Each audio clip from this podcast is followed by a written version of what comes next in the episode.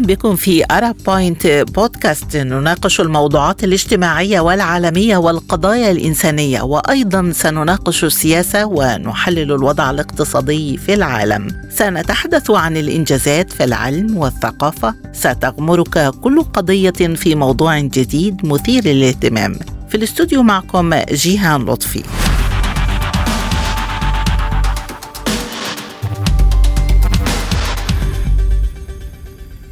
مستمعينا أهلا بكم في حلقة جديدة من ارب بوينت بودكاست معكم جيهان لطفي وموضوعنا النهارده عن برنامج الذكاء الصناعي الخاص بالدردشة ChatGPT أو Generative Pre-trained Transformation. يبدو أن العالم مقبل على مرحلة جديدة من التكنولوجيا هتخلي تطبيقات الذكاء الصناعي متداخلة في حياتنا اليومية بشكل أكبر مما نتصور. النهاردة هنتكلم عن واحد من روبوتات الدردشة اللي تستخدم الذكاء الصناعي وهو عبارة عن تطبيق برمجي بيتم استخدامه للاشتراك في محادثات بشرية بطريقة طبيعية وذلك من خلال موقع ChatGPT اللي تقدر تسأله وهو يجاوب. تطلب منه مقال هو يكتبه قدام عينيك. كأنك في جزء من فيلم الخيال العلمي الشهير ماتريكس.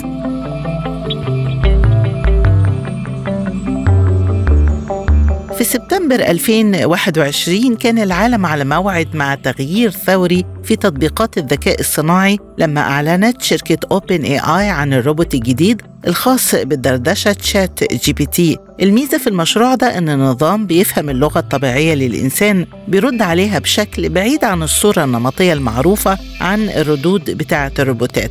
وده خلى التطبيق الجديد حديث العالم بعد فترة قصيرة من إطلاقه. المستخدمون اتفاجئوا من دقة التطبيق في الرد على الطلبات وتوقعوا أنه يكون بديل لجوجل في المستقبل فهل ده شيء حقيقي؟ للرد على السؤال ده معنا من لندن الدكتور زياد يوسف عبدعون الأستاذ المشارك في تخصص تطبيقات الذكاء الصناعي في الصناعة الرقمية والمستدامة. السلام عليكم ست جيهان المحترمة. تحية طيبة لك ولكل العاملين. بخصوص موضوع ChatGPT واللي هو Generative Pre-trained Transformation واللي تابع إلى شركة OpenAI اللي أحد مؤسسيها إيلون ماسك. فهو برنامج عنده برنامج ذكاء اصطناعي مفتوح عنده قدرة عالية جدا تم تغذيته بكميات هائلة من المعرفة منها البحوث والكتب ومصادر اللي موجودة اونلاين والمواقع وعنده قدرة على الحوار مع الشخص الذي يكلمه بطريقة فيها منطق اللي هو جزء هذه التقنيه تسمى NLP اللي هي Natural Language Processing معالجة اللغة الطبيعية. آه، عنده قدرة على كتابة مقالات نوعا ما تكون مختصرة وليس مقالات طويلة. شعر أغاني أو برامج coding هناك من يقول أنه سيقتل جوجل الجواب أبدا هما عبارة عن تقنيتين أو شيئين منفصلين تماما. جوجل هو محرك بحث مرتبط أونلاين بالإنترنت يبحث عندما تكتبين بعض الكلمات المفتاحية ال keywords جوجل يبحث في المواقع عن ال keywords الموجودة. أما ال ChatGPT فهو غير مرتبط أونلاين. هو مغذى مرتبط بقاعدة بيانات كبيرة وآخر تحديث لقاعدة البيانات هذه كان في سنة 2021 يعني ما حدث أو البيانات التي تم إطلاقها أو تأليفها أو تأسيسها في 2022 غير موجودة. ولهذا هو لن يستبدل جوجل. جوجل هو محرك بحث أما ChatGPT هو ليس محرك بحث وإنما هو عبارة عن تطبيق ذكاء الاصطناعي يهضم المعرفة الموجودة والمغذى بها ويقدم لك جواب لسؤال أنت تسأله والجواب يكون منطقي بما يكفي ليحمل معنى معين مثل كتابة المقال. أيضا قلت إنه لن يكون بديل لجوجل آه، لأن جوجل محرك بحث. وكذلك هو الآن مفتوح وهم يدرسون حتى نوعية الأسئلة التي سيسألها الناس ويدرسون الأجوبة اللي يقدمها ال OpenAI وهل قادر على أن يحل محل البشر؟ الجواب هذا أمر بعيد جدا.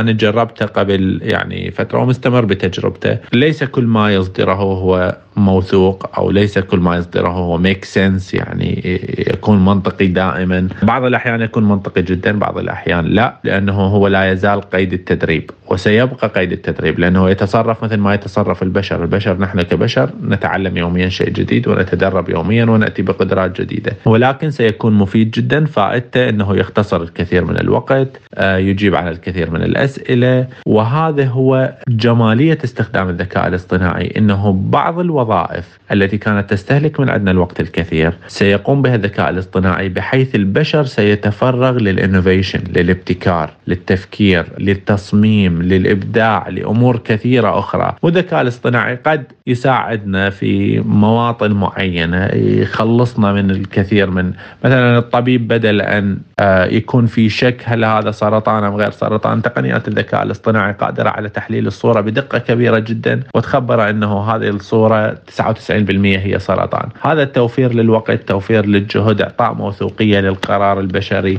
وغيرها من التطبيقات الأخرى. الذكاء الاصطناعي موضوع قديم من ناحية التقنيات وموضوع قديم من ناحية الخوارزميات ولكن الآن بدأنا نشهد هذه التطورات والقفزات الكبيرة بسبب وجود مساحات خزن كبيرة. يمكننا أن نخزن big data sets وأيضا وجود قدرات حوسبية كبيرة منها السحابية اللي هي cloud computing وال distributed computing التطورات السريعة للذكاء الصناعي خلت الكمبيوتر يقوم بأعمال معقدة بتبقى صعبة أحيانا على البشر يعني بيترجم ويرسم ويألف موسيقى وحتى بقى عنده قدرة على الرغي. وده عن طريق تقنيات التعلم الآلي والتعلم العميق اللي بيطلق عليها deep learning و machine learning أنا بجد تعبت. مفيش ولا فستان دخل فيا. عشان تخنتي. لا أنا ما تخنتش يا زومبا. عشان بقلظتي قلت لك لا تخنت ولا بقلظت وبعدين أنا أصلا بعمل diet. يستحيل أكون تخنت. فطرتي حواوشي. ها آه ما هو النهارده ال free بتاعي. النهارده الخميس. ما هو يوم الخميس بقى هو ال free بتاعي. امبارح الاربع اتعشيتي شاورما. آه ما هو يا كان بعد الساعة 12 فكنا already دخلنا في الخميس يعني. إيه رأيك في الفستان ده؟ وحش. إيه قلة الذوق دي؟ ما تقوليليش وحش كده في وشي. حاضر. وحش. يا بنتي مش قصدي بصيلي. حاضر. طب إيه رأيك في ده؟ لبستيه في كتب كتاب لؤي ومي طب والفستان ده؟ لبستيه في خطوبة كريم وياسمين. أنا كده ما عنديش أي حاجة ألبسها. هعمل أنا إيه بقى دلوقتي؟ أنا هعمل. ها إيه رأيك؟ في إيه؟ إيه رأيك في اللبس بقى؟ روش طحن دي قديمة قوي يا ابني روش طحن دي. يبقى فكرني اعمل لك update عشان الحاجات القديمة دي تروح. اعمل لي update لا مش قصدي دلوقتي. أنا قصدي بعدين يبقى فكرني اعمل لك update شفت زومبا عملت إيه في الفستان بتاعي؟ إيه ده يا حبيبتي قطعتهولك؟ طب طب معلش يا حبيبتي شوفي فستان تاني بس عشان نلحق نروح الفرح. إيه اللي انت زفتيه ده؟ قطعته إيه؟ دي غيرت ال design وعملت لي فستان جديد. بجد والله؟ ده ده حلو جدا. تصدقني لسه كنت هقول لك إن هو عاجبني جدا. بس انت ما قلتليش برضه زومبا لابسة كده ليه؟ أصلها بعد ما عملت لي فستاني عملت لنفسها واحد. ده عملته إزاي ده؟ من ورق هدايا box Valentine 2015 بيستخدم الذكاء الصناعي الخاص بالمحادثات تقنيات التعلم الآلي ومعالجة اللغة وتحليلها وفهمها. بعدين بيتجاوب مع الأسئلة والطلبات اللي بيطلبها المستخدم بطريقة شبه استجابة الإنسان. بنشوف ده في التطبيقات الموجودة على الموبايل زي سيري وبرامج الدردشة بتاعت خدمة العملاء أونلاين لكن المختلف في ChatGPT إنه بيطور قدراته على مدار الزمن والهدف المعلن للشركة اللي بتطور البرامج دي هو إن الروبوتات مفروض إنها بتزيد ذكاء مع مرور الوقت وده عن طريق استخدام البيانات وتحليل الأفكار اللي موجودة في كل المحادثات المتاحة في شبكة الإنترنت. ده هيحسن نتائج استجابة الروبوتات بناء على حجم المعلومات اللي هتكتسبها هذه الروبوتات في التعلم العميق. طيب ليه العالم اتشغل بتطبيق ChatGPT بالشكل ده؟ وهيحصل إيه في حياتنا لما تنتشر تطبيقات من النوع ده؟ قبل الحديث عن موضوع الذكاء الاصطناعي علينا أن نسأل أنفسنا سؤال هل هذه التقنيات حديثة أم قديمة؟ الجواب لهذا السؤال هو الخوارزميات. أو حتى الأدوات الخاصة بالذكاء الاصطناعي. هي خوارزميات قديمة بعضها موجود منذ خمسينيات القرن الماضي مثلا الشبكات العصبية neural networks لكن لماذا لم تستخدم سابقا؟ ولماذا الآن نشهد كل هذه القفزات الكبيرة في التطور في هذه التقنيات؟ الجواب بسيط لأنه الذكاء الاصطناعي حتى يعمل بشكل جيد يحتاج إلى كميات هائلة من البيانات big data sets وأيضا يحتاج إلى إمكانيات عالية من الحوسبة يعني high processing power. ولهذا هذه كانت غير موجودة. أما الآن فأصبحت لدينا إمكانيات كبيرة على معالجة البيانات الضخمة ال big data وكذلك إمكانيات كبيرة في الحوسبة خصوصا مع ال distributed وال cloud computing بحيث يمكننا معالجة كميات ضخمة جدا من البيانات في مكانات موزعة وبهذا تكون عندنا قدرة حوسبية عالية. لذلك الذكاء الاصطناعي هو قديم جديد قديم من ناحية الخوارزميات والأفكار لكنه تطبيقها أصبح ممكن فقط عندما توفرت لدينا القدرات على خزن البيانات ومعالجتها بشكل كبير. بخصوص السؤال الأول ما الذي يتغير في حياتنا مع تطبيقات الذكاء الاصطناعي؟ حقيقة أمور كثيرة ستتغير وستتغير نحو الأحسن في مجالات عدة منها مجال الطب. مثلا هناك تقنيات كبيرة للذكاء الاصطناعي لتشخيص أمراض السرطان بدقة عالية جدا وبنسبة خطأ تكاد تقترب من الصفر خصوصا التقنيات القائمة على التصنيف. الأشعة والسونار والدوبلر والصور للمقاطع النسيجية بالجسم لتشخيص هذا كانت سرطانية أم غير سرطانية. في مجال الهندسة أيضا والعلوم منها الهندسة التصاميم دراسة التصاميم فحص التصاميم إعداد النماذج الخاصة بالتصاميم فحص البنايات التنبؤ بما سيحدث في التصاميم الهندسية وأمور كثيرة يدخل فيها الذكاء الاصطناعي. قدرته العالية على هضم البيانات والتعامل معها والتعلم منها والإتيان بقرارات جديدة تقترب من القرارات التي يتخذها البشر هي هذه اللي تميز الذكاء الاصطناعي. الذكاء الاصطناعي تعريفه هو قدرة الحاسوب أو الآلة على محاكاة قدرة العقل البشري على التعلم واستخدام هذه القدرة لحل المشاكل بشكل منطقي. أيضا عودة على السؤال ما الذي سيتغير الصناعات الدوائية تتغير لأنه الذكاء الاصطناعي يساعد الآن في كل التجارب المختبرية المكلفة جدا. يساعد على اختصار وقتها يساعد على تحسين النتائج يساعد على مراجعة البيانات الكبيرة جدا.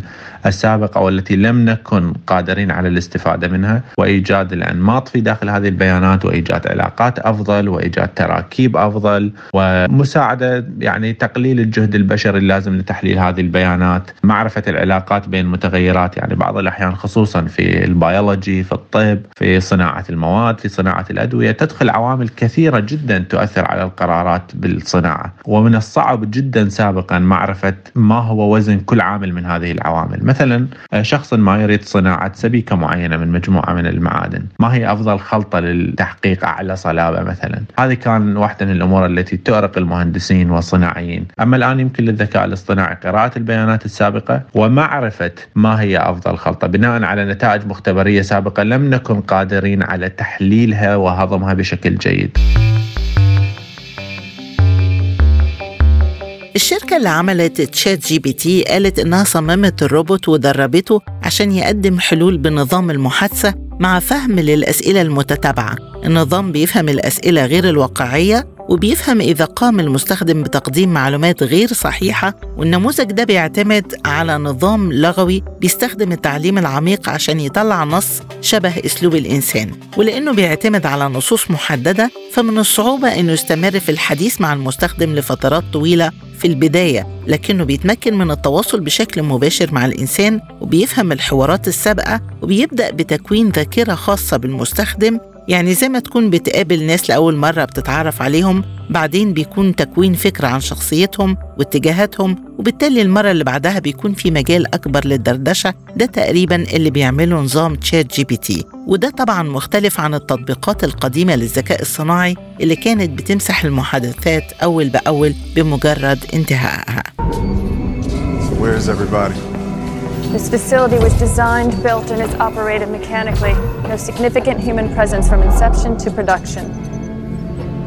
So robots building robots. Authorization code, please. Well, that's just stupid. I'm pulling up the inventory specs. Our daily finishing capacity is 1,000 NS5s. I'm showing 1,001.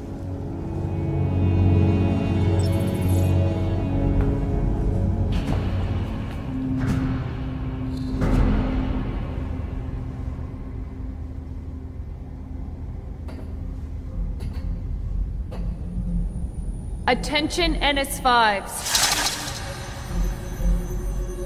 Uh, you're the robot shrink. There is a robot in this formation that does not belong. Identify it. One of us. Which one? One of us. How much did you say these things cost? Look, these NS5s haven't been configured yet. They're still just hardware. Basic three laws operating system. That's it. They don't know any better. Well, what would you suggest? Interview each one, cross reference their responses to detect any anomalies. How long would that take? About three weeks. Okay. You go ahead, get started. Robots! You will not move. Confirm command. Command confirmed.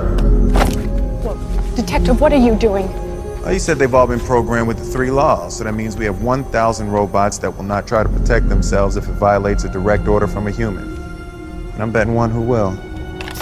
Detective, put your gun down. Why do you give them faces? Try to friendly them all up, make them look all human. These robots are not susceptible to intimidation. I guess if you didn't, we wouldn't trust them. These robots are USR property. Not me. These things are just lights and clockwork. Are you crazy? Let me ask you something, Doc. Does thinking you're the last sane man on the face of the earth make you crazy? Because if it does, maybe I am.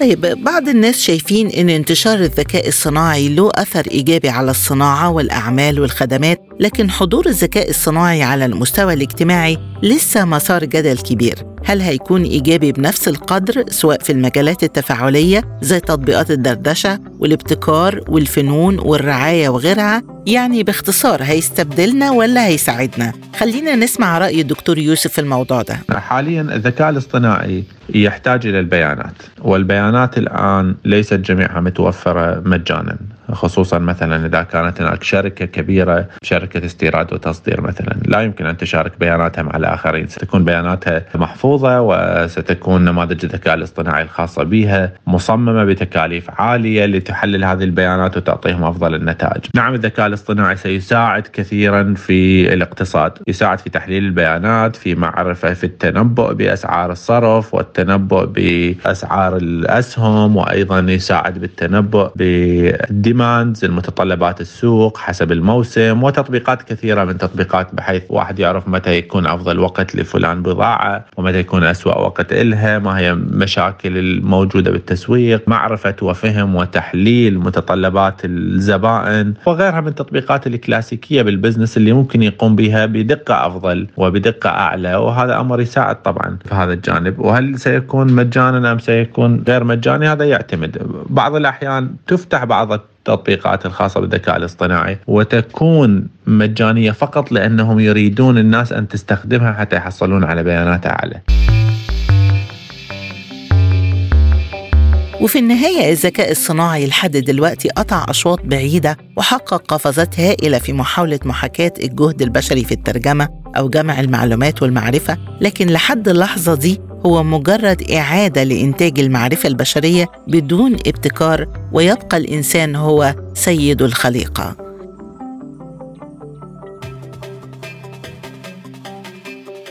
وبكده نكون وصلنا لنهاية حلقتنا النهاردة في أرب بوينت بودكاست أشكر ضيفي من لندن الدكتور زياد يوسف عبدعون الأستاذ المشارك في تخصص تطبيقات الذكاء الصناعي في الصناعة الرقمية والمستدامة والشكر موصول لكم أيضا مستمعينا الكرام سعدت بصحبتكم جيهان لطفي وإلى اللقاء. كنت معكم في أرب بوينت بودكاست جيهان لطفي. اشترك اعمل like واكتب تعليقاتكم. بتعليقاتكم نتطور. شكرا وإلى اللقاء.